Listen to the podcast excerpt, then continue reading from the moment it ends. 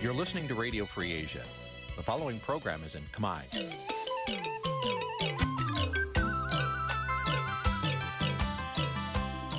Nǐ ជាកម្មវិធីផ្សាយ Vuthu Azizi Serai នេះជាកម្មវិធីផ្សាយរបស់ Vuthu Azizi Serai ជាភាសាខ្មែរ Vuthu Azizi Serai សូមស្វាគមន៍លោកអ្នកនាងទាំងអស់ពីរដ្ឋធានី Washington នៃសហរដ្ឋអាមេរិក។ ផ្សាយផ្ទាល់ពីរដ្ឋធានី Washington ខ្ញុំបាទជួនច័ន្ទបុតស៊ូមជម្រាបសួរលោកអ្នកនាងកញ្ញានិងប្រិយមិត្តទាំងអស់ជាទីមេត្រី បាទយើងខ្ញុំសូមជូនកម្មវិធីផ្សាយសម្រាប់រាត្រីថ្ងៃសុក្រកើតខែកដិកឆ្នាំថោកបញ្ញស័កពុទ្ធសករាជ2567ដែលត្រូវនៅថ្ងៃទី22ខែធ្នូគ្រិស្តសករាជ2023បាទជាដំបូងនេះសូមអញ្ជើញលោកអ្នកនាងស្ដាប់ព័ត៌មានប្រចាំថ្ងៃដែលមានមេត្តាដូចតទៅ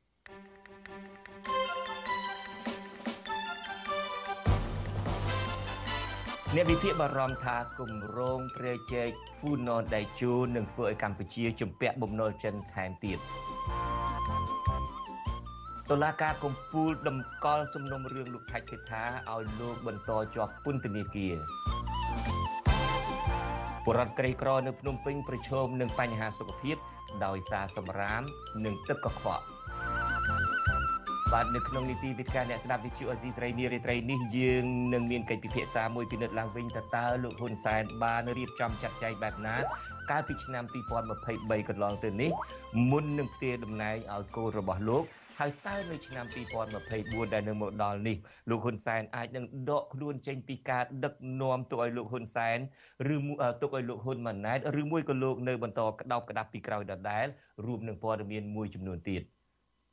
បាទជាបន្តទៅទៀតនេះខ្ញុំបាទជួនច័ន្ទបុតស៊ូមជូនព័ត៌មានទាំងនេះពិស្ដាបាទលោកនាងកញ្ញាជាទីមេត្រីលោកហ៊ុនម៉ាណែតនាយករដ្ឋមន្ត្រីថ្មីអះអាងថាការពង្រីកកំពង់ផែខេត្តព្រះសីហនុនិងគម្រោងព្រែកជីកហ្វូណនដៃជូគឺជាគម្រោងសាងសង់ហេដ្ឋារចនាសម្ព័ន្ធដើម្បីឲ្យការចរាចរណ៍ទំនិញមានភាពប្រសើរជាងមុនក៏ប៉ុន្តែអ្នកវិភាគនិងមន្ត្រីបកប្រឆាំង បារម្ភថាគម្រោងទាំងនេះអាចនឹងធ្វើឲ្យកម្ពុជាជំពាក់បំណុលបរទេសថែមទៀតជាពិសេសគឺប្រទេសចិនបាទលោកសេកបណ្ឌិតមានសេចក្តីរាយការណ៍អំពីរឿងនេះជូនលោកនៅនាងពីរដ្ឋធានី Washington លោកនាយករដ្ឋមន្ត្រីហ៊ុនម៉ាណែតនិងអនុរដ្ឋមន្ត្រីក្រសួងដែនដីហេដ្ឋារចនាសម្ព័ន្ធដឹកជញ្ជូន និងទេសចរនៃប្រទេសជប៉ុន លោក IC Pasi Rintaro នៅថ្ងៃទី22ខែធ្នូ ចូលរួមបើកការដ្ឋានសាងសង់ចំណតផែកុងតឺន័រជម្រៅជំហានទី1ស្ថិតនៅកំពង់ផែស្វយ័តក្រុងព្រះសីហនុក្នុងពិធីនោះលោកហ៊ុនម៉ាណែត បានលើកឡើងថាការពង្រីកកំពង់ផែខេត្តព្រះសីហនុនិងគម្រោងព្រែកជីកហ្វូណនដៃជូមិនមានអាចកំបាំងនោះទេគឺជាគម្រោងសាងសង់ហេដ្ឋារចនាសម្ព័ន្ធដើម្បីឲ្យមានកំណើនសេដ្ឋកិច្ចជាតិ និងជំរុញឲ្យជីវភាពប្រជាពលរដ្ឋល្អប្រសើរមានអីទៅលាក់លៀមទេព្រោះការជើព្រែកជីកភ្ជាប់ទន្លេសមុទ្រនេះបូកជាមួយនឹងការអភិវឌ្ឍកំពង់ផែខេត្តប្រសិទ្ធនុនេះគ្មានអីអាចកំបាំងទេ គឺដើម្បីពង្រីកសក្តានុពលសេដ្ឋកិច្ចកម្ពុជាជួយឲ្យសេដ្ឋកិច្ចរីកចម្រើននិងធ្វើឲ្យប្រជាជនកម្ពុជាកាន់តែរីកចម្រើនជីវភាពទូទៅនេះគឺជាកិច្ចការរដ្ឋាភិបាលនិងក្រុមហ៊ុនប្រទេសជប៉ុនចាប់ផ្ដើមសាងសង់ចំណតផែកុងតឺន័រទឹកជ្រៅជំហានទី1 ក្នុងទំហំទឹកប្រាក់ជាង200លានដុល្លារមានប្រវែង350ម៉ែត្រនិងមានជម្រៅទឹកជិត15ម៉ែត្រចំណតផែកុងតឺន័រទឹកជ្រៅជំហានទី1មានសមត្ថភាពឲ្យនាវាកុងតឺន័រមានចំណុះផ្ទុក60000តោនអាចតភ្ជាប់ការដឹកជញ្ជូនទៅកាន់តំបន់អាស៊ីប៉ាស៊ីហ្វិករដ្ឋាភិបាលកម្ពុជាគ្រោងពង្រីកការសាងសង់ផែកុងតឺន័រទឹកជ្រៅជំហានទី2និងទី3ក្នុងទំហំទឹកប្រាក់ ជិត700លានដុល្លារហើយទំហំទឹកប្រាក់ស្ទើរតែទាំងស្រុង បានមកពីឥណទានសម្បទានរបស់ប្រទេសជប៉ុនផែកុងតឺន័រទឹកជ្រៅក្នុងជំហានទី2និងទី3អាចអនុញ្ញាតឲ្យនាវាកុងតឺន័រចូលចតតំបន់អឺរ៉ុបអាមេរិកនិងទូទាំងពិភពលោកបាន ចំណែកគម្រោងព្រែកជីកហ្វូណនដៃជូគឺជាគម្រោងដើម្បីពង្រីកវិសាលភាពនៃការប្រើប្រាស់សក្តានុពលលើការដឹកជញ្ជូនតាមផ្លូវទឹកគម្រោងព្រែកជីកនេះ មានប្រវែង180គីឡូម៉ែត្រដែលតភ្ជាប់ពីព្រែកតាកែវនៃទន្លេមេគង្គទៅកាន់កំពង់ផែនៃខេត្តកែបហើយគម្រោងនេះនឹងត្រូវការចំណាយថវិកាជិត2000លានដុល្លារដែលជាផ្នែកមួយនៃគម្រោងខ្សែក្រវ៉ាត់មួយផ្លូវមួយរបស់រដ្ឋាភិបាលចិនអ្នកជំនាញផ្នែកវិទ្យាសាស្ត្រនយោបាយនិងកិច្ចការអន្តរជាតិលោកអែមសវណ្ណារា លើកឡើងថា កំណើនវិនិយោគនិងថ្លៃទំនិញអាចនឹងធ្លាក់ចុះ ដោយការលើកឡើងរបស់រដ្ឋាភិបាល ក្រោយគម្រោងទាំងពីរសាងសង់រួចរាល់ទោះយ៉ាងណាលោកបារម្ភថាគម្រោងទាំងពីរនេះនឹងអាចធ្លាក់ក្នុងបំណុលប្រសិនបើរដ្ឋាភិបាល ចំណាយមិនមានតម្លាភាព និងគ្មានការទទួលខុសត្រូវ។ប្រ សិនបើថ្នាក់ដឹកនាំអ្នកនយោបាយកម្ពុជាវៃឆ្លាតកម្ចីវាជួយសម្រួលទៅលើកិច្ចការខ្វះខាតនៅក្នុងការកែសម្រួលបំពេញបន្ថែមនៅហេដ្ឋារចនាសម្ព័ន្ធដែលខ្វះខាតក៏ប៉ុន្តែបើយើងយកមកប្រើឲ្យត្រឹមត្រូវវាអត់មានអីខាតទេសម្រាប់សេដ្ឋកិច្ចក៏ប៉ុន្តែបើកម្ចីនោះការប្រាក់ខ្ពស់ហើយយើងគ្មានស្មារតីទូខុសត្រូវអាហ្នឹងគឺកូនចៅយើងទាំងអស់គ្នាជាអ្នករ៉ាប់រងបាទលោកអែមសវណ្ណារាបន្តថា ប្រទេសកម្ពុជានឹងមិនអាចមានកំណើនសេដ្ឋកិច្ចបាននោះទេ ប្រសិនបើរដ្ឋាភិបាលមិនមានទំនាក់ទំនងល្អជាមួយនឹងសហរដ្ឋអាមេរិកនិងបណ្ដាប្រទេសប្រជាធិបតេយ្យផ្សេងទៀតចំណែកអតីតតំណាងរាជគណៈបកសង្គ្រោះជាតិលោកម៉ែនសុថាវរិន លើកឡើងថារដ្ឋាភិបាលគួរតែឲ្យអង្គការជាតិនិងអន្តរជាតិចូលរួមតាមដាន ដើម្បីបង្ហាញពីតម្លាភាពប្រសិនបើគម្រោងរបស់រដ្ឋាភិបាលមិនមានការលាក់លៀមលោកម៉ែនសុថាវរិន បន្តថារដ្ឋាភិបាល គួរជំរុញឲ្យក្រុមហ៊ុនបង្កើនការផលិតទំនិញពិសេសគួរនាំចេញផលិតផលកសិកម្មដែលពុំមានទីផ្សារទៅកាន់ទីផ្សារបរទេសក្រៅពីប្រទេសជិតខាង ដើម្បីឲ្យពលរដ្ឋមានជីវភាពល្អប្រសើរ។ សេដ្ឋកិច្ចมันអាចនឹងម្សិលឡើងវិញបានទេបើកម្ពុជាមិនផលិតទំនិញខ្លួនឯងច្រើនតែយកទៅពីគេមកទាំងអស់ឥឡូវសប្តាហ៍នេះសេដ្ឋកិច្ចប្រទេសកម្ពុជាកសិកម្មគ្រឿងទាំងឧបភោគបរិភោគទាំងអស់បន្លែឬយកបន្លែផ្លែឈើយកពីប្រទេសជិតខាងយើងទាំងអស់អ្នកតាមដានការអភិវឌ្ឍសង្គមយល់ឃើញថាការជីកព្រែកតភ្ជាប់ពីទន្លេមេគង្គទៅកាន់សមុទ្រក្នុងខេត្តកែបសម្រាប់បង្កើតផ្លូវទឹកដឹកជញ្ជូនទំនិញដោយខ្លួនឯងជារឿងចាំបាច់ដែលកម្ពុជាត្រូវធ្វើ ដើម្បីឈប់ពឹងពាក់ផ្លូវទឹកប្រទេសវៀតណាមប៉ុន្តែពួកគេបារម្ភថា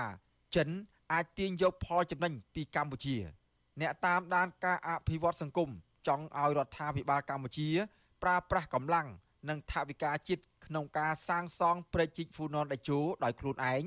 ដើម្បីទទួលបានភាពឯករាជ្យកាន់កាប់ព្រែកជីកនេះហើយមិនគួរពឹងផ្អែកជំនួយហិរញ្ញវត្ថុពីប្រទេសចិនទាំងស្រុងនោះទេខ្ញុំបាទសេកបណ្ឌិត វុទ្ធុអាស៊ីសេរីពីរដ្ឋធានីវ៉ាស៊ីនតោន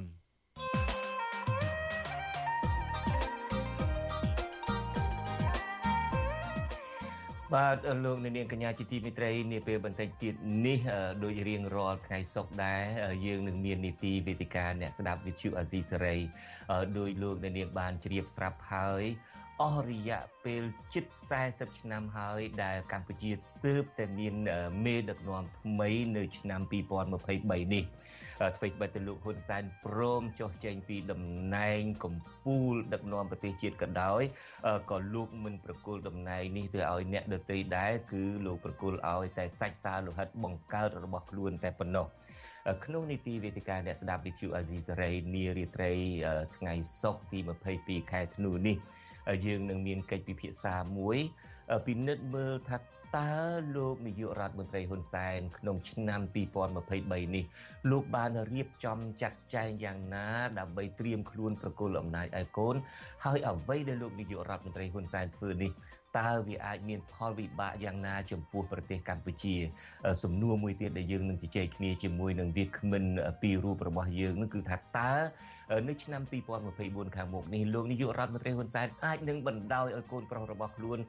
កាន់អំណាចដោយឯករាជ្យខ្លួនឯងហើយលោកឈប់នៅពីក្រោយដែរឬយ៉ាងណាបាទសូមអញ្ជើញលោកអ្នកនាងរងចាំតាមដាននីតិវិទ្យាអ្នកស្ដាប់វិទ្យុអាស៊ីត្រីរបស់យើងដែលនឹងចាប់ផ្ដើមនាពេលបន្តិចទៀតនេះ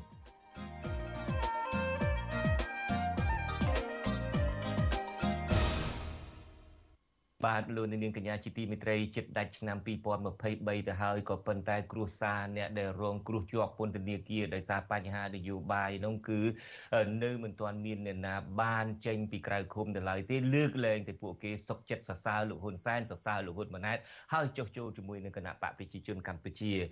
ថ្ងៃនេះគ្រួសាររបស់លោកថៃសេថាខកចិត្តយ៉ាងខ្លាំងដែលហេតុថាតុលាការកំពូលនៅតែមិនទាន់ដោះលែងគាត់ឲ្យមានសេរីភាពនៅឡើយហើយពួកគាត់ចាត់ទុកថានេះគឺជាអំពើអយុត្តិធម៌បាទលោកច័ន្ទដរោមានសេចក្តីរាយការណ៍អំពីរឿងនេះជូនលោកអ្នកនាងប្រធានក្រុមប្រឹក្សាជំនុំជម្រះនៃតុលាការកំពូលលោកនៅនុនបានបដិសេធលើបណ្ដឹងសារទុកស្នើសុំដោះលែងអនុប្រធានគណៈបកភ្លើងទៀនលោកថាច់ស៊ីថា នៅថ្ងៃទី22ខែធ្នូពាក់ព័ន្ធសំណុំរឿងទី1ពីបទមិនបំពេញកាតព្វកិច្ចចំពោះឧបករណ៍អាចជួញដូរបាន ឬការចេញសាច់អត់ប្រាក់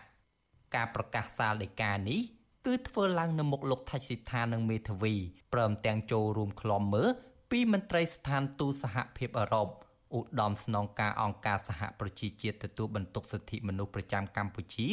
និងមន្ត្រីអង្គការសិទ្ធិមនុស្សលីកាដូ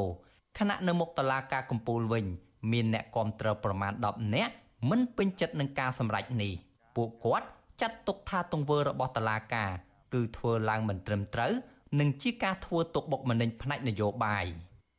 មេធាវីការពីក្តីឲ្យលោកថាច់ស៊ីថា គឺលោកសឿនជំជួន ប្រាប់បច្ចុអាស៊ីសេរីថា លោកសោកស្ដាយចំពោះការសម្រេចរបស់តុលាការកំពូល ដែលបានតម្កល់សំណុំរឿងរបស់កូនក្តីលោកនេះ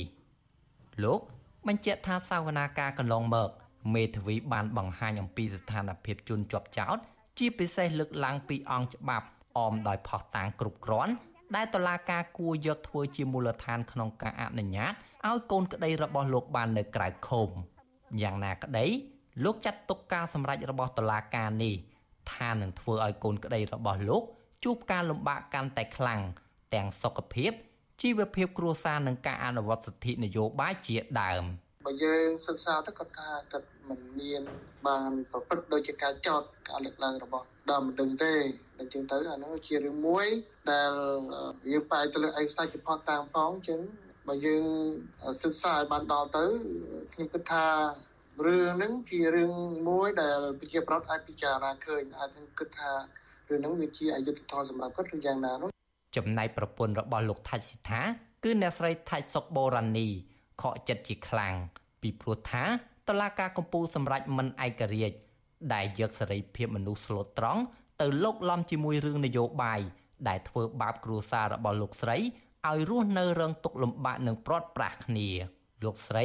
ព្រួយបារម្ភអំពីស្ថានភាពជំងឺបេះដូងរបស់លោកថាច់ស៊ីថាជាខ្លាំងថាអាចប្រឈមគ្រោះថ្នាក់ដល់អាយុជីវិត បើមិនបានព្យាបាលពីគ្រូពេទ្យជំនាញឲ្យទាន់ពេលវេលានោះទេតែខ្ញុំគាត់រាប់ប្រៀបថាមិនក៏ដោយចង់គាត់និយាយថាសុខភាពគាត់មិនល្អគាត់ចង់ចេញមករត់សុខភាពហើយក្នុង6ខែក៏ឲ្យគាត់រត់សុខភាពម្ដងចង់រាប់ប្រៀបនិយាយមិនក៏ដោយនៅតែសាលាកម្មដោះលែងគាត់ដែរដោះលែងពួកគាត់ទៅពួកអត់មានកំហុសអីទេសិតតែស្នេហាជាតិទាំងអស់ទេសតតែខ្មែរគ្នាឯងទាំងអស់ទេជឿជាប់តែមួយទេសូមឲ្យដោះលែងពួកគាត់មកធ្វើការរួមគ្នាវិញមក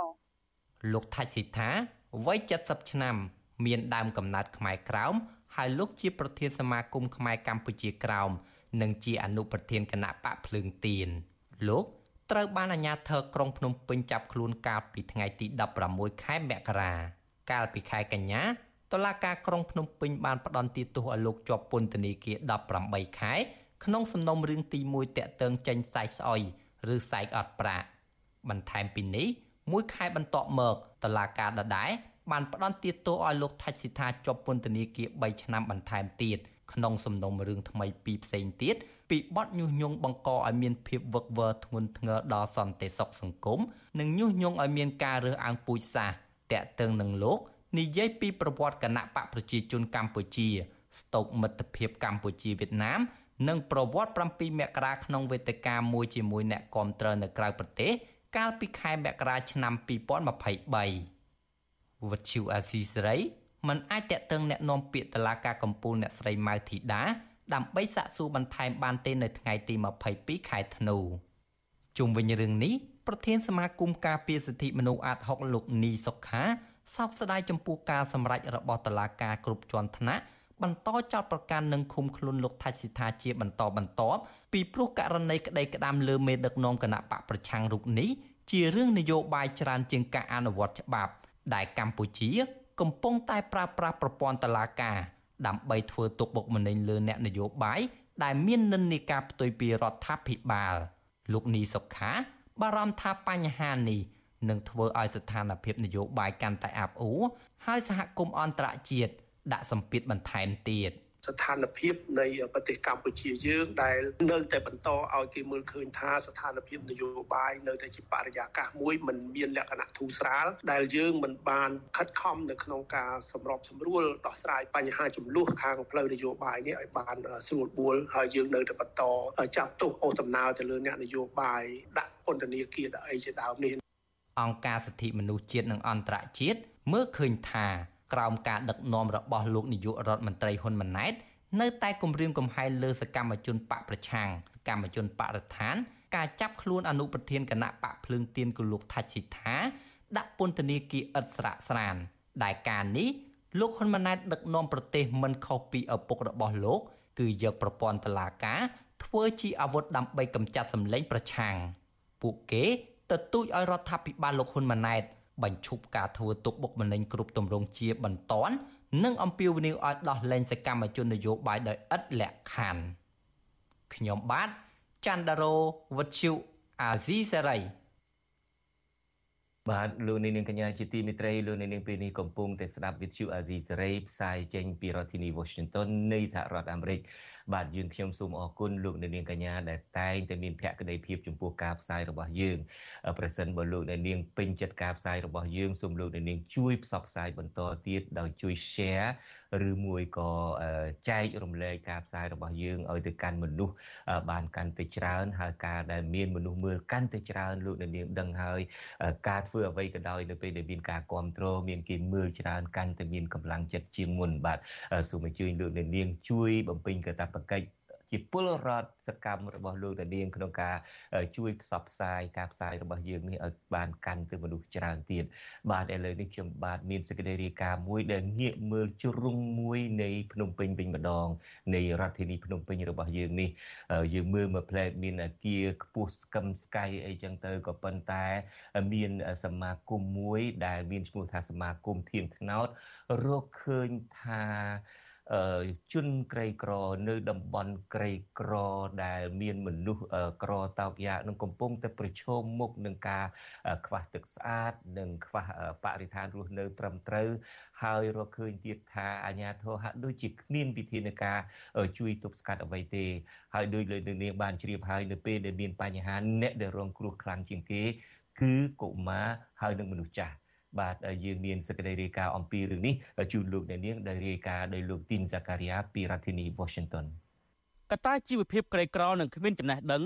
បានរុញច្រានឲ្យបរិវត្តរស់នៅក្នុងរាជធានីភ្នំពេញមួយចំនួនប្រឈមនឹងបញ្ហាសុខភាព និងកូនកូនរបស់ពួកគេពុំទទួលបានការអប់រំត្រឹមត្រូវរបាយការណ៍របស់អង្គការធៀងថ្នោតដែលមានចំណងជើងថាបញ្ហាបរិស្ថាននិងសមាគមក្រីក្រក្នុងទីក្រុងភ្នំពេញការសិក្សាប្រៀបធៀបការយល់ដឹង ការយល់ឃើញ និងដំណោះស្រាយបានចេញផ្សាយកាលពីថ្ងៃទី18ធ្នូរបាយការណ៍កម្រាស់101ទំព័របានសិក្សាស្រាវជ្រាវផ្ដោតលើបញ្ហាធំធំចំនួន4ដូចជាសិទ្ធិចូលរួមវិតម្លៃលើបញ្ហាបរិស្ថានបំរែបំរួលអាកាសធាតុការគ្រប់គ្រងសម្រាម និងការរំខានដោយសម្លេងរបាយការណ៍ដដែលរកឃើញសហគមន៍ចំនួន7រងផលប៉ះពាល់ពីបញ្ហាទាំងនោះរួមមានសហគមន៍ប្រែកតកង60ម៉ែត្រ សហគមន៍ព្រែកតកង3សហគមន៍បឹងត្របែកភូមិ4សហគមន៍ពងរសែនជ័យសហគមន៍រស្មីសាមគ្គីសហគមន៍បឹងឈូកមានជ័យ2និងសហគមន៍បណ្ដងមួយជាដើម លើសពីនេះ មានបរិវត្តជិត900នាក់ដែលមកពីគ្រួសារចំនួនជិត300បានបញ្ជាក់ថាពួកគាត់រស់នៅប្រឈមនឹងបញ្ហាសុខភាពការប្រកបមុខរបរចិញ្ចឹមជីវិតនិងការបាក់ស្រុតផ្ទះនៅពេលមានទឹកជំនន់ អង្គការធៀងថ្នោតលើកឡើងក្នុងរបាយការណ៍ទៀតថាសិទ្ធិចូលរួមវិតម្លៃលើបញ្ហាបរិស្ថានរបស់ពលរដ្ឋនៅក្នុងសហគមន៍ចំនួន3ដូចជាសហគមន៍ព្រែកតកង60ម៉ែត្រសហគមន៍ព្រែកតកង3សហគមន៍បឹងត្របែកភូមិ4រងការរំលោភសិទ្ធិពីគម្រោងអភិវឌ្ឍដោយគ្មានដំណាភាពប្រឈមនឹងការបដិញ្ញចេញពីលំនៅឋានពីសំណាក់ក្រុមហ៊ុន AZ Group និងក្រុមហ៊ុន Ing Holding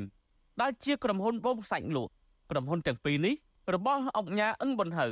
ប្រធានគម្រោងស្រាវជ្រាវនៃសមាគមធៀងថ្នោតអ្នកស្រីគំច័ន្ទរស្មីប្រាប់វិទ្យុអាស៊ីសេរីនៅខែទី22ធ្នូថាគោលបំណងនៃការចេញរបាយការណ៍នេះគឺដើម្បីជំរុញអរដ្ឋាភិបាល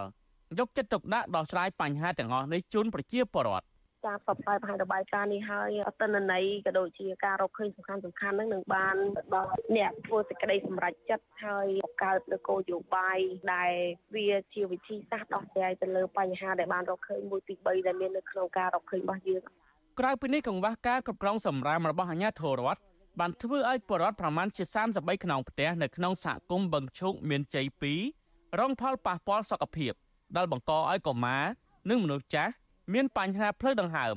ភ្នាក់ច្រើននៃសម្រាមទាំងនោះកើតមានដោយសារខ្វះការយល់ដឹងពីការទុកដាក់សម្រាមរបស់ប្រជាសហគមន៍និងការសំណល់ដែលហូរចេញពីបរិយាពេញហួតជាដើមដែលបណ្ដាលឲ្យកកស្ទះមុខប្រឡាយទឹកហូរ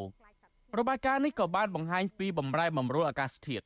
ធ្វើឲ្យប៉ះពាល់ដល់ការធ្វើដំណើររំខានដល់ការប្រកបមុខរបរចិញ្ចឹមជីវិតរបស់ប្រជាពលរដ្ឋជាច្រើន ជាពិសេសកុមារនៅរដូវប្រាំង ធ្វើឲ្យពួកគាត់ប្រឈមនឹងជំងឺខ្សោះជាតិទឹកថក់ដង្ហើម ក្តៅខ្លួនញឹកញាប់និងរដូវវស្សា មានទឹកចំនួនលិចប្រឈមនឹងសត្វល្អិតសត្វពស់ការបាក់ស្រុតផ្ទះជាដើមអង្គការធៀងថ្នោតក៏បានរកឃើញពីការបំពុលសម្លេងផងដែរដែលបញ្ហានេះអាចធ្វើឲ្យពលរដ្ឋប្រឈមនឹងជំងឺដូចជាសម្ពាធឈាមឡើងខ្លាំងជំងឺគាំងបេះដូងជំងឺបាក់ទឹកចិត្តមានភាពតានតឹង និងពិបាកចុងអារម្មណ៍ជាដើម ការបំពុលសម្លេងនេះកើតចេញពីការធ្វើចរាចរណ៍កន្លែងកំសាន្តសម្លេងចេញពីរោងចក្រសហគ្រាសនិងការជួបជុំគ្នាផឹកគ្រឿងស្រវឹងហើយចាក់ថងបាសជាដើមតើតើនឹងបញ្ហានេះវិទ្យុអសិរ័យមិនអាចតតងអ្នកនាំពាក្យក្រសួងបរិស្ថានលោកផៃប៊ុនឈឿនដើម្បីសំសួរអំពីបញ្ហានេះបានទេនៅថ្ងៃទី22ធ្នូជុំវិញនឹងរឿងនេះសកម្មជនសិទ្ធិមនុស្សនិងបរិស្ថានលោកម៉ែចត្រា មានប្រសាសន៍ថា កត្តាដែលធ្វើឲ្យបរដ្ឋមិនមានការយល់ដឹងពីបញ្ហាទុកដាក់សម្រាមគឺដោយសារតែរដ្ឋាភិបាលមិនបានចុះផ្សព្វផ្សាយអំពីបញ្ហានេះឲ្យបានទូលំទូលាយលោកបន្តថារដ្ឋាភិបាលគួរតែបង្កើនធុងទុកដាក់សម្រាមនៅទីសាធារណៈនិងស្ដារប្រព័ន្ធលូនៅតាមប្រឡាយ ដើម្បីកាត់បន្ថយកកស្ទះសម្រាមនៅណាក៏វាមានប្រព័ន្ធលូដែរដូចនៅម្ដុំផ្ទះលោកនាយរដ្ឋមន្ត្រីក្តីនៅម្ដុំបរមរាជវាំងក្តីវាតែងតែមានប្រព័ន្ធលូណាយើងត្រូវសិក្សាមើលហេតុអីក៏នៅក្នុងមិនធំក្លិនស្អុយមន្ត្រីអង្គការសង្គមស៊ីវិលស្នើរដ្ឋាភិបាលអនុវត្តច្បាប់ឲ្យមានដំណាភាពពាក់ព័ន្ធនឹងគម្រោងអភិវឌ្ឍពួកគាត់ទទូចឲ្យក្រសួងបរិស្ថាន និងក្រសួងពាក់ព័ន្ធចាត់វិធានការឲ្យបានតឹងរឹងលើជនទាំងឡាយ ដែលបង្កសម្លេងរំខានដល់ការរស់នៅរបស់ប្រជាពលរដ្ឋនៅពេលយប់ផងដែរខ្ញុំបាទទីនសាការីយ៉ាស៊ីសេរីប្រធានាធិបតី Washington បាទលោកនាងកញ្ញាថ្មីថ្មីនេះបើសិនជាលោកនាងតាមដានការផ្សាយរបស់យើងនៅតាមបណ្ដាញសង្គមដូចជាបណ្ដាញសង្គម Facebook ជាដើមឃើញថាមានក្រុមជនមួយក្រុមចូលមកអឺ បញ្ចេញមតិជាប្រមាថដូចជាដើមហើយការមកនេះហាក់ដូចជាមកទាំងក្រមតែម្ដងជាកងទ័ពលើកទ័ពមកតែម្ដងហាក់ដូចជាមានការរៀបចំឬមួយក៏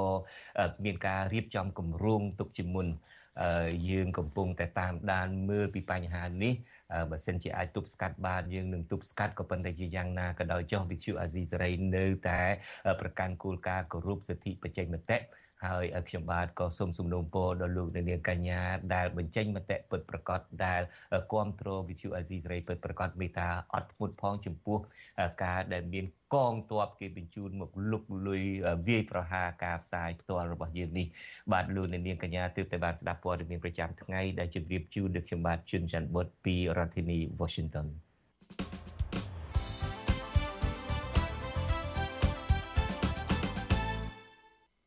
បាទជាបន្តទៅទៀតនេះគឺជានីតិវេទិកាអ្នកស្ដាប់វិទ្យុអាស៊ីសេរី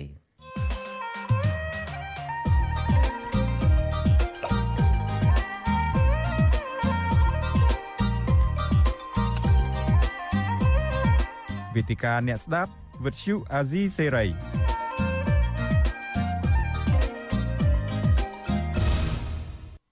បាទលោកនាងកញ្ញាជាទីមេត្រីខ្ញុំបាទជួនច័ន្ទបុតសូមជម្រាបសួរនិងសូមស្វាគមន៍លោកនាងកញ្ញាជាថ្មីម្ដងទៀតក្នុងកម្មវិធីនីតិវេទិកាអ្នកស្ដាប់វិទ្យុអាស៊ីសេរី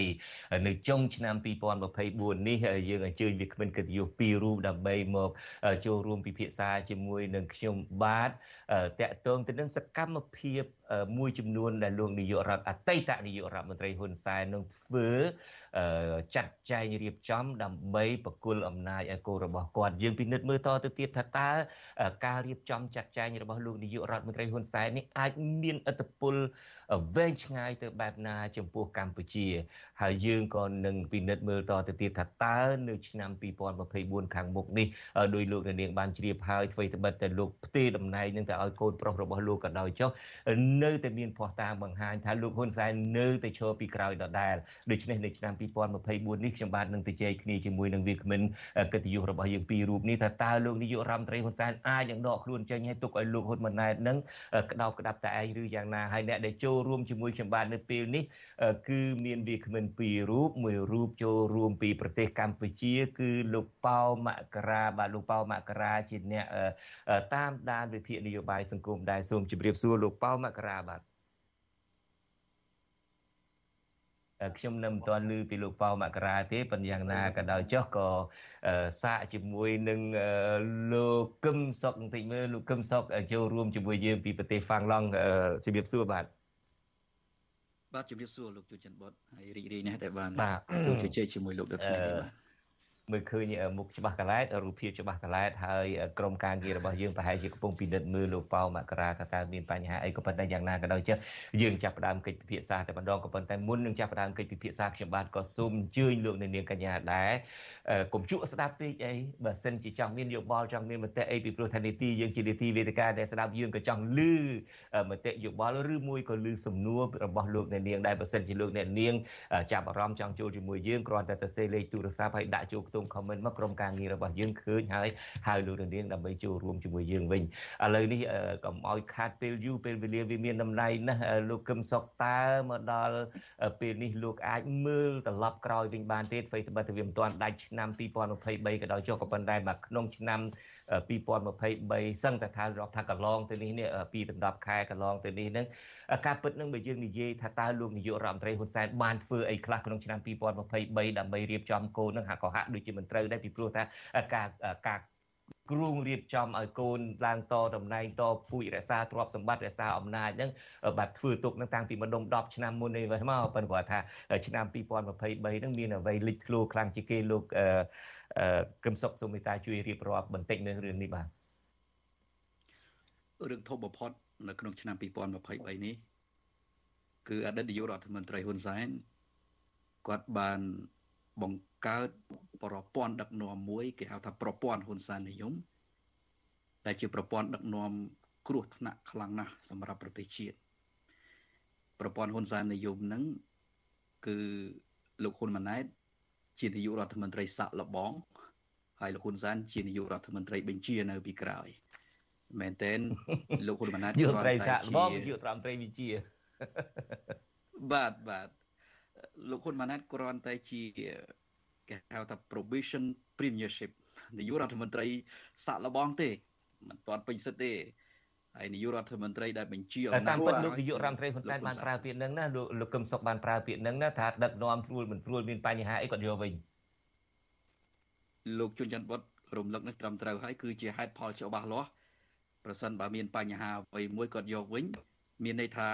បើហ៊ុនម៉ាណែតធ្វើមិនបានតាមផែនការរបស់គាត់គាត់យកវិញឬមួយក៏មានអ្នកណាម្នាក់នៅក្នុងផ្ទៃក្នុងគណៈបកប្រជាជនកម្ពុជានឹងចេះតែទៀមទាយកគាត់យកវិញ ប្រសិនបើហ៊ុនម៉ាណែតមិនអាចទប់បានហើយមួយវិញទៀត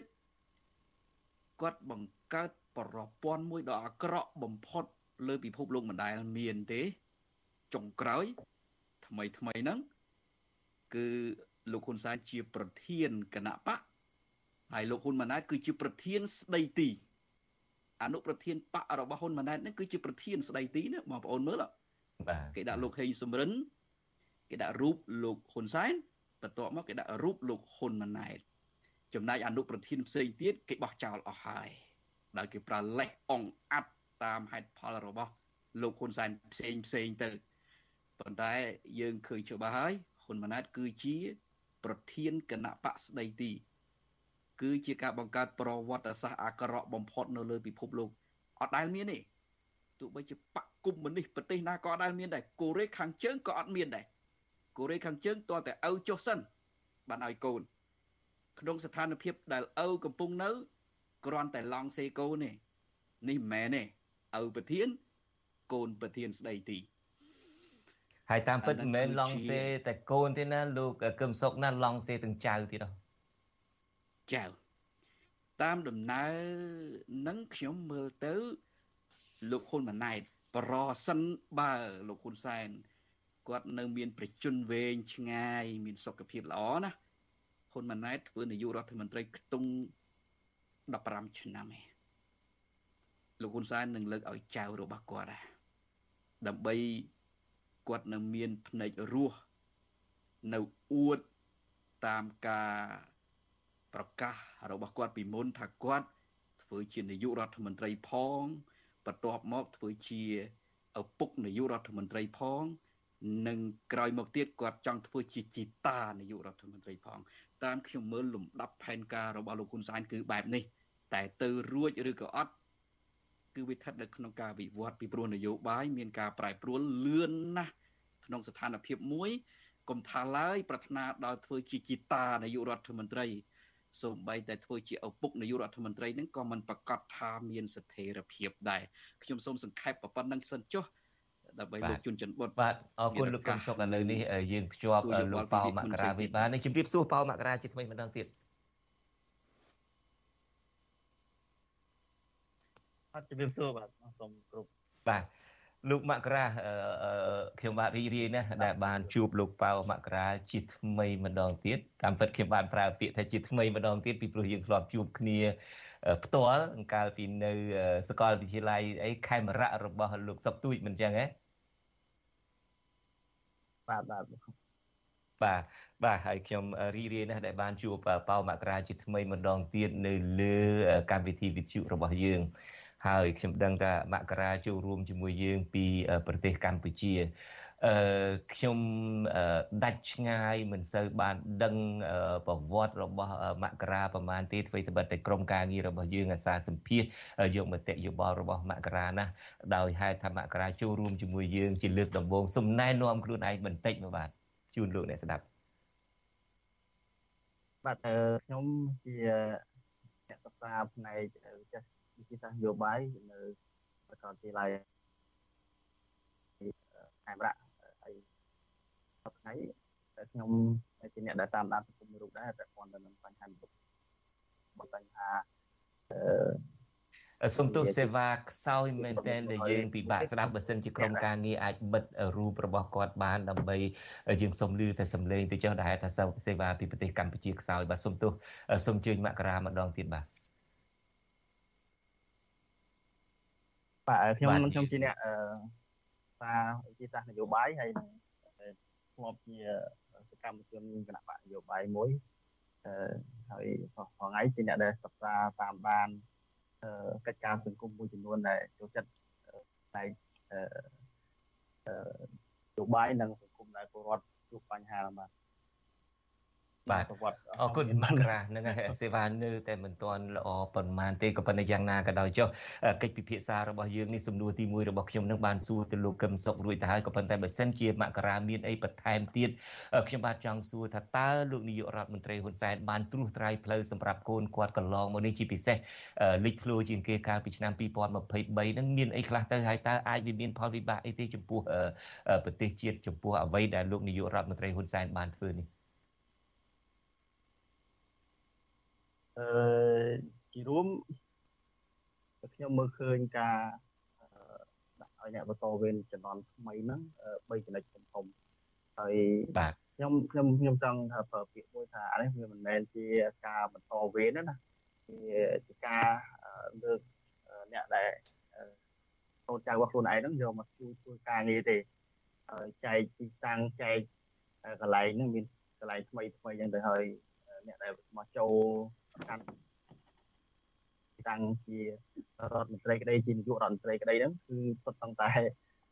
មកតាមរយៈការរៀបចំរបស់ឪពុកម្ដាយឪពុកដែលខ្លួនមានទូនទីធំធំនៅក្នុងជួររដ្ឋាភិបាលនេះគឺលោកនាយករដ្ឋមន្ត្រីហ៊ុនម៉ាណែតហ្នឹងដែលមានការរៀបចំពីឪពុករបស់ខ្លួនដែរអញ្ចឹងការស្ទេហ្នឹងគឺមិនមែនស្ទេគាត់ថាចែកចម្លែកឲ្យមកជួយធ្វើការដោះស្រាយបញ្ហាដែលមានកន្លងមកអញ្ចឹងណា ហើយបញ្ហាហ្នឹងវាគឺស្រាប់ហើយវាចាក់ស្រេះគ្នាមែនទែនតាំងពីបញ្ហាបំណុលបញ្ហាសិទ្ធិមនុស្សបញ្ហាសេដ្ឋកិច្ចទៅ GSP EBA អញ្ចឹងទៅហើយបំណុលហ្នឹងយើងមើលទៅគឺមានការវណ្ណកទៅដល់ពលរដ្ឋមួយចំនួនដែរបញ្ហាពាក់ព័ន្ធទៅនឹងបំណុលតាមស្ថានមីក្រូរ៉ាញ់តូចមួយចំនួនហើយទី2ខ្ញុំចង់ក្រឡេកទៅមើលទៅខាងក្រោយបន្តិចចង់ឲ្យមុនការបោះឆ្នោតដល់ ពីបោះឆ្នោតហើយហ្នឹងគឺគឺសកម្មភាពដែលអ្នកនយោបាយចាស់ចាស់ដែលកាន់អំណាចហ្នឹងគាត់ធ្វើសកម្មភាពច្រើនដើម្បីឲ្យកូនខ្លួនឯងហ្នឹងឲ្យអ្នកបន្តវេនខ្លួនឯងបានចូលទៅកាន់តំណែងតំណែងទាំងអស់ហ្នឹងអញ្ចឹងអ្នកបន្តវេនទាំងអស់ហ្នឹងគាត់អត់បានធ្វើអីទេតែទៅជាឪពុករបស់គាត់ទៅជាក្រុមមេដឹកនាំដែលចាស់ចាស់ហ្នឹងគាត់ខំប្រឹងខ្លួនឯងវិញអត់វាអត់មានការប្រកួតប្រជែងអីណា ហើយទី3ខ្ញុំមើលឃើញថាអំណាចរបស់អ្នកដែលចាស់ហ្នឹងគឺនៅក្នុងដៃរបស់គាត់ដដែលតែខ្ញុំឃើញខ្ញុំលើកឧទាហរណ៍មួយដូចជាអតីតលោកនាយករដ្ឋមន្ត្រីលោកហ៊ុនសែនអញ្ចឹងគាត់ទៅកាន់ស្ថាប័នធំធំដែលជាអំណាចដែលអាចវិជាអាចចាត់ចែងបានដូចជាជាបកមានក្រមប្រឹក្សាប្រហាស័តអីចឹងទៅហើយអនាគតនឹងទៅជាប្រធានប្រតិភិប្រទេស ចឹងអាចំណុចទាំង3ទាំងអស់ហ្នឹងខ្ញុំគិតថាវាជះឥទ្ធិពលទៅដល់យុវជនផ្សេងផ្សេងទៀតអ្នកដែលមានសមត្ថភាពផ្សេងផ្សេងទៀតបាត់ឱកាសទៅចេញសមត្ថភាពអញ្ចឹងវាធ្វើឲ្យប្រទេសហ្នឹងវាមានមកក្រុមអញ្ចឹងណាបាទបាទបាទបាទអរគុណលោកមករាដែលបានផ្ដល់មតិយោបល់នេះបើសិនជាស្ដាប់លោកមករាទៅយុទ្ធយុទ្ធសាស្ត្រមួយរបស់លោកនាយករដ្ឋមន្ត្រីហ៊ុនសែននឹងគឺជារឿងបពពួក ពុករលួយតែម្ដងគឺបើយើងពិនិត្យមើលទៅអាយុទ្ធសាស្ត្ររបស់គាត់នេះឥឡូវខ្ញុំបកមកមើលយុទ្ធសាស្ត្រទាំងអស់នេះវិញស្ដាប់មើលទៅឃើញយុទ្ធសាស្ត្ររបស់លោកនាយករដ្ឋមន្ត្រីហ៊ុនសែននិងលោកកឹមសុខជួយពិចារណាជាមួយខ្ញុំហាក់ដូចជាមាន3សំខាន់ក៏ប៉ុន្តែយុទ្ធសាស្ត្រ3សំខាន់របស់លោកនាយករដ្ឋមន្ត្រីហ៊ុនសែននេះគឺថាធ្វើយ៉ាងណាត្រួសត្រាយផ្លូវយ៉ាងណាដើម្បីឲ្យលោកហ៊ុនម៉ាណែតឡើងកាន់អំណាចនឹងដោយគ្មានការរាំងស្ទះ ដូច្នេះយុទ្ធសាស្ត្រទី1ដោយមករាបានលើកអញ្ចឹងគឺថាគាត់ត្រូវការបំបិតមាត់ផ្ទៃក្នុងគណៈបកប្រជាជនកម្ពុជាដោយអនុញ្ញាតឲ្យមានអង្គើពុករលួយបកពួកនិយមដើម្បីកុំឲ្យជំទាស់កូនខ្ញុំបានខ្ញុំនឹងឲ្យកូនអ្នកឯងឡើងធ្វើធំដែរបើអ្នកឯងជារដ្ឋមន្ត្រីក្រសួងមហាផ្ទៃគូអ្នកឯងអាចឡើងបន្តតំណែងជារដ្ឋមន្ត្រីក្រសួងមហាផ្ទៃដូច្នេះនេះគឺជាយុទ្ធសាស្ត្រមួយដើម្បីបំបិតមាត់ផ្ទៃក្នុងហើយយុទ្ធសាស្ត្រទី2នឹងគឺបំបិតសម្លេងប្រឆាំងខាងក្រៅយើងឃើញទាំងអស់គ្នាអ្នកណាក៏ដោយចុះដែលឃើញមានលទ្ធភាពដើម្បីអាចនឹងតតាំងជាមួយនឹងលោកហ៊ុនម៉ាណែតអីនឹងបាននឹងត្រូវចាប់ដាក់គុកទាំងអស់ត្រូវកំទេចចោលទាំងអស់ដូចជាលោកថៃសេដ្ឋាយើងឮព័ត៌មានមិញនឹងក៏ដោយចុះគាត់ជាអ្នកធំម្នាក់បេដឹកនាំម្នាក់នៃគណៈបកភ្លើងទៀនដែលអាចមានសក្តានុពលភាពក្នុងការប្រកួតប្រជែងសន្លឹកឆ្នោត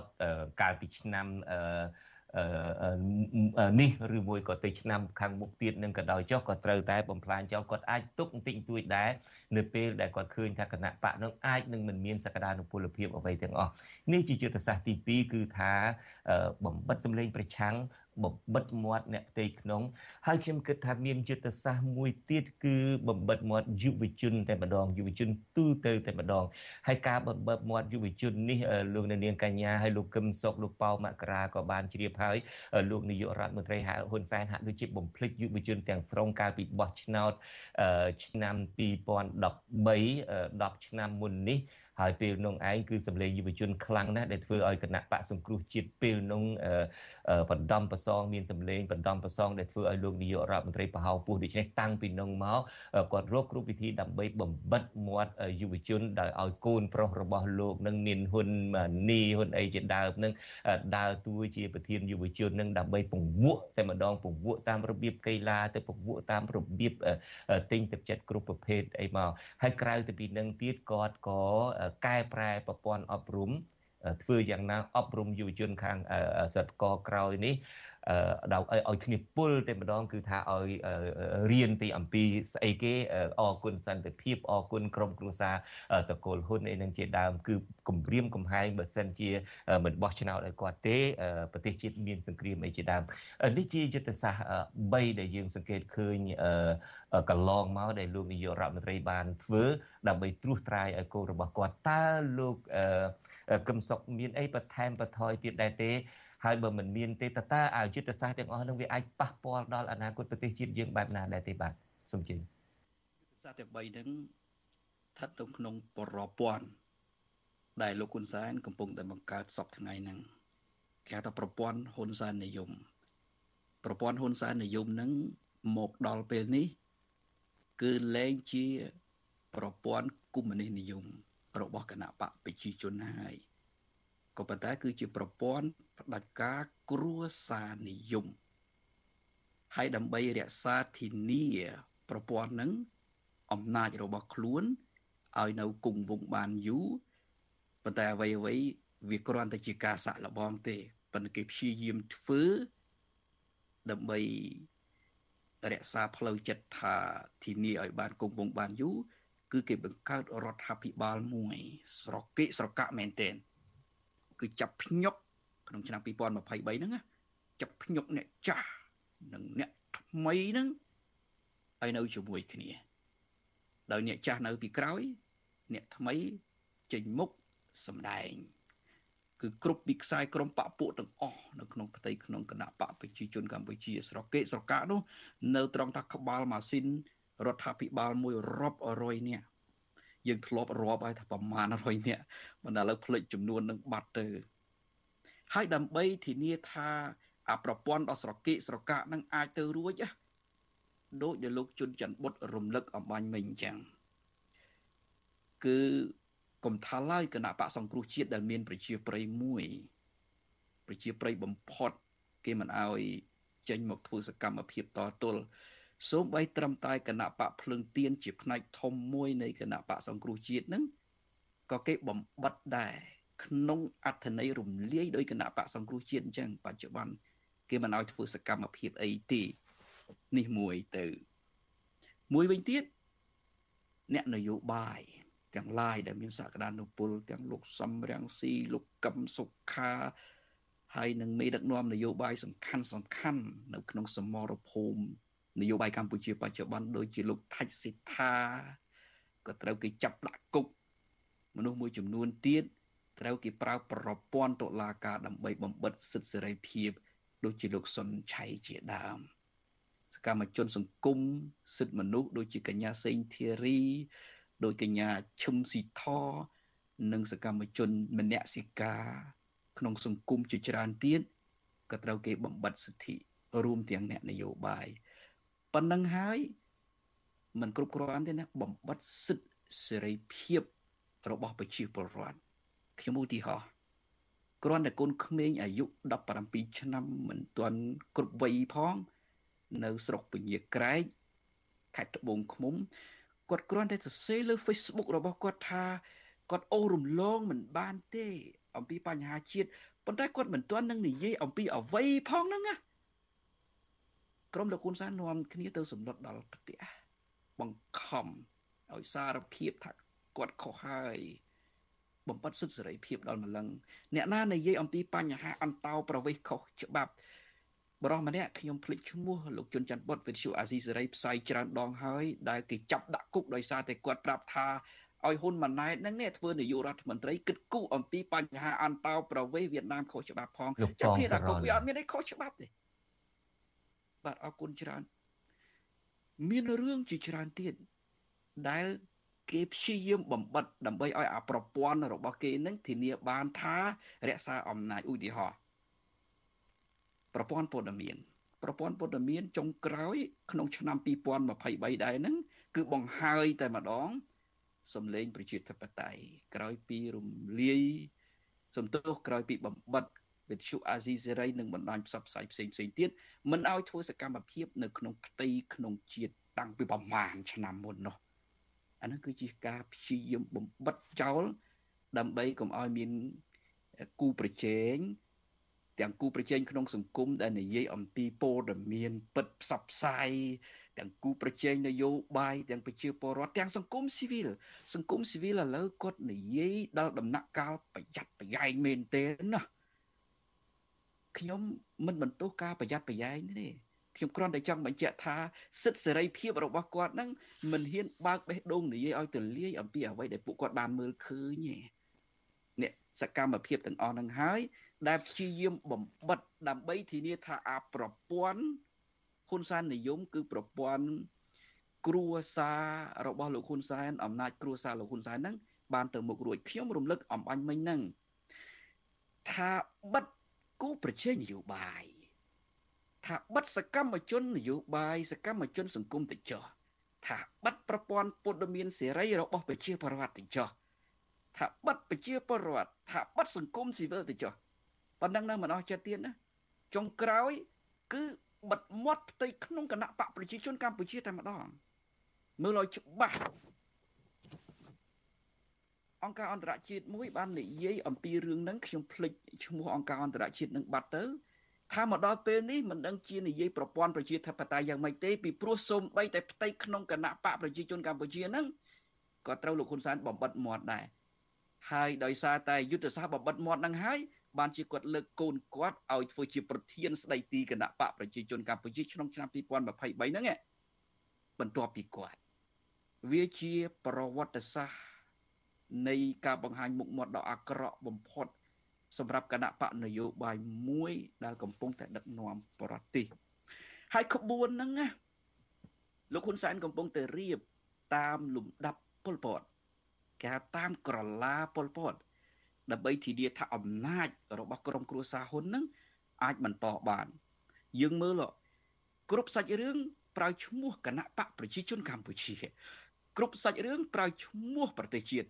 ប៉ុន្តែដើម្បីផលប្រយោជន៍របស់ក្រុមគ្រួសារហ៊ុនឧទាហរណ៍រើសប៉ូលីសរើសប៉ូលីសក្របខ័ណ្ឌប៉ូលីសក្របខ័ណ្ឌនគរបាលជាតិនេះគ្មាននរណាគេឲ្យ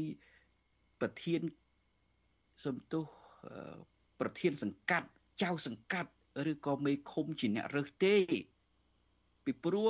តួនាទីក្របខ័ណ្ឌនឹងត្រូវការអ្នកដែលមានសមត្ថភាពខ្ពស់ណាស់ ឆ្លងកាត់ការប្រឡងត្រឹមត្រូវទើបអាចយកមកធ្វើជានគរបាលជាតិបានប៉ុន្តែគេឲ្យមេឃុំចៅសង្កាត់ជាអ្នករើសហើយមេឃុំចៅសង្កាត់រើសរបៀបណា គឺរើសតាមរបៀបបពពួកហ្នឹងបពពួកគ្នាគេតាមមូលដ្ឋាន ដើម្បីគេចងជាប្រព័ន្ធគ្នាគេតាំងពីថ្នាក់ក្រោមមន្ត្រីកសិកម្មបងប្អូនមើលមន្ត្រីកសិកម្មគេថាឥឡូវចាប់ផ្ដើមរើសមន្ត្រីកសិកម្ម250នាក់ហើយ តាម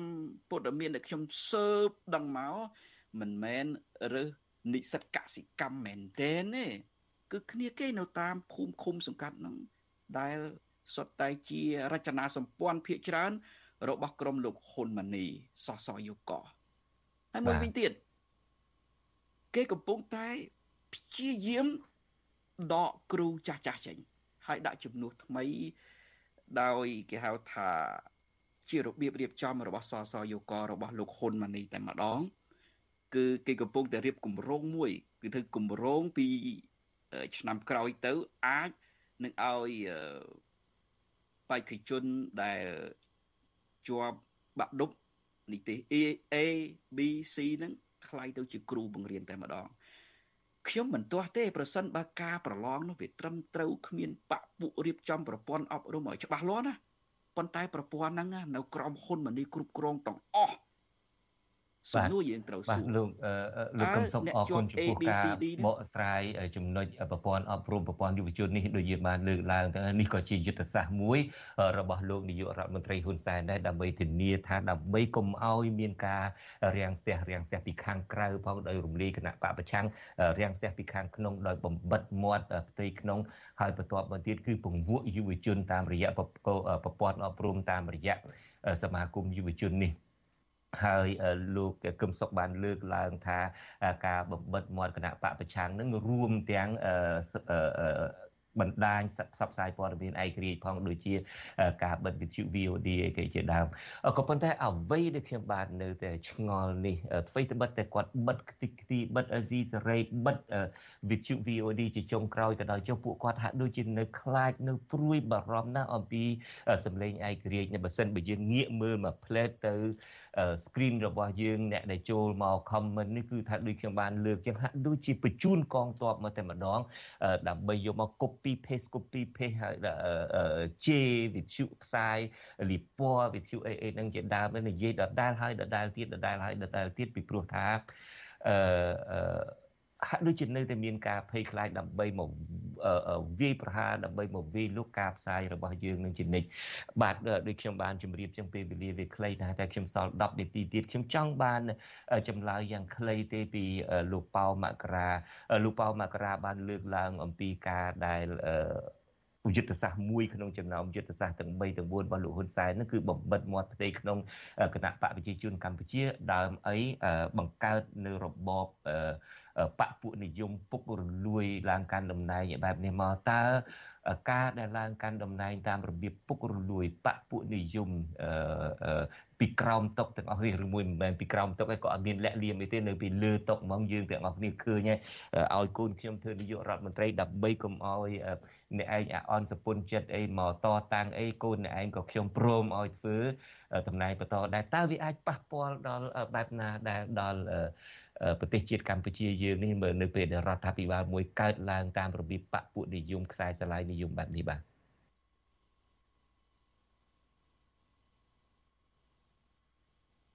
យើងយើងមិនលឺទេប្រហែលជាលោកអត់ទាន់បើកមីក្រូហ្វូនលោកមករាបាទយើងយើងមិនលឺលោកនិយាយទេលោកប៉ៅមករាយើងអត់លឺលោកនិយាយទេសូមបើកមីក្រូហ្វូនផងបាទបាទ យើងនៅតែមិនលឺមិនទាន់លឺលោកប៉ៅមករាដដែលសុំទោសផងយើងនៅតែមិនលឺដដែលបាទឥឡូវនេះដើម្បីទុកឱកាសជូនលោកប៉ៅមករាហើយក្រុមបច្ចេកទេសរបស់យើងធ្វើសម្លេងឲ្យបានល្អបាទលោកប៉ៅមករាសូមមានប្រសាសន៍ទៀតចុះក្រុមការងារយើងថាលឺសូរហើយបាទអឺជារួមកាលណាយើងនិយាយអំពីប្រទេសមួយដែលវាមានបញ្ហាបពុនិយមវាវិវត្តទៅរកការ ការកាត់អំណាចមួយដែលទៅលើតែក្រុមក្រុមមកមកផ្នែកណាមួយអញ្ចឹងចង់ចង់ប្រទេសជាតិយើងនឹងរងគ្រោះហើយអ្វីដែលរងគ្រោះមុនគេបង្អស់នោះគឺវាកើតមានហៅថាអំពើពុករលួយជាប្រព័ន្ធក្នុងក្នុងសង្គមមិនថាប្រទេសកម្ពុជាក៏ប្រទេសអ្នកផ្សេងប្រទេសផ្សេងផ្សេងទៀតអញ្ចឹងអ្នកដែលរងគ្រោះបន្តមកទៀតគឺពលរដ្ឋពលរដ្ឋគាត់បាត់ឱកាសក្នុងការចូលរួមកសាងប្រទេសរបស់គាត់នឹងដែរ ចឹងកាលណាបំបត្តិឱកាសសម្រាប់យុវជនក្តីពលរដ្ឋកូនទៅអីបញ្ញវន្តមួយចំនួននេះគាត់បាត់បាត់បាត់ឱកាសអញ្ចឹងអញ្ចឹងប្រទេសហ្នឹងវាបានរីកចម្រើនអញ្ចឹងគ្រប់វិស័យទាំងអស់វានឹងធ្លាក់ចុះវាទៅវាដុំដុំទៅសម្រាប់ដុំរបស់អ្នកដែលកាន់អំណាចអ្នកដែលក្រុមរបស់គេហ្នឹងអញ្ចឹងប៉ះពាល់វាវាមានទំហំធំវាមិនមែនសម្រាប់ពេលបច្ចុប្បន្នហ្នឹងទេគឺវាអាចទៅ10 20ឆ្នាំទៅរាប់រយឆ្នាំទៅមុខទៀតដោយសារតែការ គ្រប់គ្រងវាអត់បានផ្ដល់សមត្ថភាពផ្ដល់ទៅដល់ភាពត្រឹមត្រូវទៅដល់មហាជនទូទៅដូចជាអញ្ញវ័នក៏ដូចជាយុវជនអ្នកបន្តវេនផ្សេងៗទៀតបាទតែនេះជាចំណុចដែលខ្ញុំមើលឃើញភាពប៉ះពាល់នៃប្រព័ន្ធដឹកនាំមួយដែលវិវត្តទៅរកការគ្រប់គ្រងបែបបពុនិយមបាទបាទខ្ញុំសូមចូលរួមប៉ុណ្ណឹង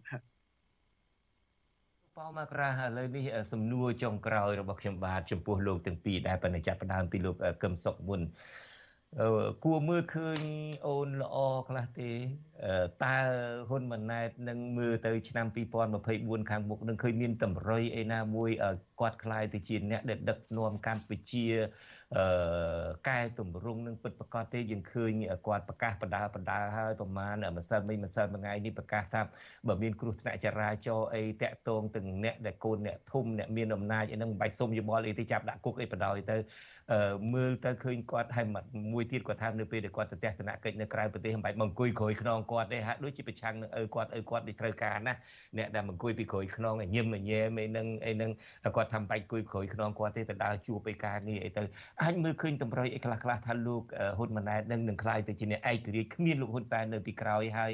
អាចដឹកនាំប្រទេសយើងនឹងឲ្យខ្លាយពីឪពុកលោកខ្លះទេទៅឆ្នាំខាងមុខមិនអាចទេពីព្រោះប្រព័ន្ធដឹកនាំនេះវាស្បុកស្មាញច្របូកច្របល់ហើយនឹងផ្ដាច់ការពេកដែលជាគេដំណើររបស់ឪពុកគាត់ហើយដើម្បីដោះស្រាយបញ្ហាអំណាចពួកគាត់ចែកគ្នាកាន់ម្នាក់បន្តិចម្នាក់បន្តិចហើយចែកគ្នាស៊ីក្នុងឧទាហរណ៍ សូម្បីតែនៅ ក្រសួងសុខាភិបាលរដ្ឋលេខាធិការ2នាក់កាន់គម្រោងមួយអីហ្នឹងម្ល៉េះហើយតើករណីនេះអាចដោះស្រាយបញ្ហាប្រទេសជាតិបានទេសារនយោបាយវាគ្រាន់តែជាការសម្ដែងខាងក្រៅទេលោកហ៊ុនសែនធ្លាប់សម្ដែងលក់ខជាងនឹងទៅទៀតនេះទី1ទី2អំណាចដែលលោកហ៊ុនសែនព្យាយាមលើកឲ្យលោកហ៊ុនម៉ាណែតហើយលើកឲ្យដល់កម្រិតនេះ វាបំផ្លាញនៅមូលដ្ឋាន សេដ្ឋកិច្ចជាតិធំហាឬក៏ទាញកម្ពុជាឲ្យធ្លាក់ដាបតែម្ដងក្នុងវិស័យសេដ្ឋកិច្ចពាណិជ្ជកម្មរបស់កម្ពុជា យើងឃើញហើយគាត់អត់បានយកចិត្តទុកដាក់គិតគូរអំពីប្រព័ន្ធអនុគ្រោះពន្ធ GSP របស់សហរដ្ឋអាមេរិកនិងប្រព័ន្ធអនុគ្រោះពន្ធ EBA របស់សហភាពអឺរ៉ុបដែលជាមូលដ្ឋានអាយុជីវិតពាណិជ្ជកម្មអន្តរជាតិរបស់កម្ពុជាហើយនឹងជាអាយុជីវិត ការងាររបស់កម្មករកម្មការនីទេគាត់អត់បានយកចិត្តទុកដាក់ដោះស្រាយបញ្ហានឹងឡើយក៏ប៉ុន្តែលើសពីការដែលមិនយកចិត្តទុកដាក់ទៅទៀតដើម្បីដោះស្រាយបញ្ហារបស់គាត់ក្នុងស្ថានភាពដែលកម្មករកម្មការនីបាត់ការងារធ្វើប្រជាពលរដ្ឋខ្មែរជួបការលំបាកមែនទែនបែរទៅជារឹតពន្ធការរឹតពន្ធនេះមែនទែនគេត្រូវតែរឹតហើយប៉ុន្តែគេមានរបៀបរឹតគេថាបន្ធូរផង យើងដាច់លោកកឹមសុខបាត់ទៅហើយថ្ងៃនេះមានប្រព័ន្ធនឹងពិបាកមែនតើបាទទន្ទឹមនឹងឆ្លៀតឱកាសដែលក្រុមការងាររបស់យើងបន្តទៅលោកកឹមសុខវិញខ្ញុំបាទគ្រាន់តែសូមជម្រាបថាក្រុមការងារយើងបានប្រាប់មកថាឥឡូវនេះពួកតាហ៊ាន កងពលដែលមកវាយលោកការផ្សាយរបស់យើងនឹងលែងអាចបញ្ចេញមតិលែងអាចបញ្ចេញយោបល់អីបានហើយលើកលែងតែចូលទៅចុច follow page របស់អាស៊ីសេរីដូច្នេះលោកនាងកញ្ញាដែលចង់បានបញ្ចេញមតិយោបល់នៅលើការផ្សាយរបស់យើងក៏អាចប៉ះពាល់ដែរអាចបញ្ចេញមតិយោបល់លែងបានក៏ប៉ុន្តែបើសិនជាលោកនាងនៅចង់បញ្ចេញមតិយោបល់សូមអញ្ជើញចូលទៅកាន់ page របស់អាស៊ីសេរីហើយ follow អឺ ចុច follow ទៅលោកអ្នកនាងនឹងអាចចូលរួមបញ្ចេញមតិយោបល់បានឥឡូវនេះយើងឃើញលោកកឹមសុខវិញហើយសូមបន្តទៀតចុះបាទមិញកែបន្តិចបាទចង់បញ្ជាក់ថាការដឹកនាំរបស់ហ៊ុនម៉ាណែតដែលផ្ទេរឲ្យដោយលោកហ៊ុនសែននេះ គឺធ្វើឲ្យសេដ្ឋកិច្ចកម្ពុជាដាបខ្លាំងណាស់ដាបរហូតទៅដល់ដើម្បីដោះស្រាយបញ្ហាផ្ទៃក្នុងរដ្ឋាភិបាល ទៅជាព្យាយាមរឹតពន្ធពីប្រជាពលរដ្ឋពីអ្នកវិនិយោគទៅវិញវាខុសក្បួនណាចំណុចដែលសំខាន់ក្នុងស្ថានភាពបច្ចុប្បន្នក្រៅតែពីការរឹតពន្ធហើយក្រុមលោកហ៊ុនម៉ាណែតនឹងព្យាយាមធ្វើការប្រមូលលុយដោយការប្រព្រឹត្តអំពើពុករលួយដល់គួរឲ្យអៀនខ្មាស់ឧទាហរណ៍ថាដាល់សោរើអំពីប្លង់ដីរបស់ប្រជាពលរដ្ឋដែលមិនច្បាស់លាស់ហ្នឹងមិនមែនធ្វើឲ្យបានត្រឹមត្រូវទេ គឺថាទៅវាស់ឡើងវិញទៅធ្វើឡើងវិញក្នុងការប្រមូលលុយប្រព្រឹត្តអំពើពុករលួយធ្ងន់ធ្ងរតែម្ដងប្រជាពលរដ្ឋអូនត្អែថាអានោះខ្លាំងជាងពន្ធទៅទៀតពីព្រោះនៅក្នុងច្បាប់ពន្ធតម្លៃក្រោម70000ដុល្លារអត់មានបង់ទេប៉ុន្តែដីធ្លីប្រជាពលរដ្ឋកន្លែងខ្លះតម្លៃត្រឹម10000ដុល្លារអីប្រសិនបើលក់គេក្បៀសយកអស់2ទៅ3000ដុល្លារតាមរយៈ ការផ្ទេរបញ្ជីផ្សេងផ្សេងនៅក្នុងក្របខ័ណ្ឌនៃរដ្ឋបាលរបស់ហ៊ុនម៉ាណែតនឹងទៅហើយមែនតើអំណាចគ្រប់គ្រងនេះមិនធ្វើឲ្យប្រជាជាតិខ្មែរបានសុខហើយសេដ្ឋកិច្ចខ្មែររីកចម្រើននោះទេ យើងឃើញស្រាប់ហើយការងារអត់កើនទេ អ្នកវិនិយោគអត់កើនទេប៉ុន្តែកើនចំនួនគ្រឿងញៀនរបាយការណ៍ពីសហគមន៍អន្តរជាតិកើនចំនួនជួញដូរមនុស្ស កើនចំនួនស្រាសូម្បីតែទំនាក់ទំនងជាមួយនឹងនាយករដ្ឋមន្ត្រីថៃក្រោយពីនាយករដ្ឋមន្ត្រីថៃចេញពីកម្ពុជាវិញឮថាថៃបើកក្រុមហ៊ុនស្រាមមួយនៅប្រទេសកម្ពុជាភ្លាម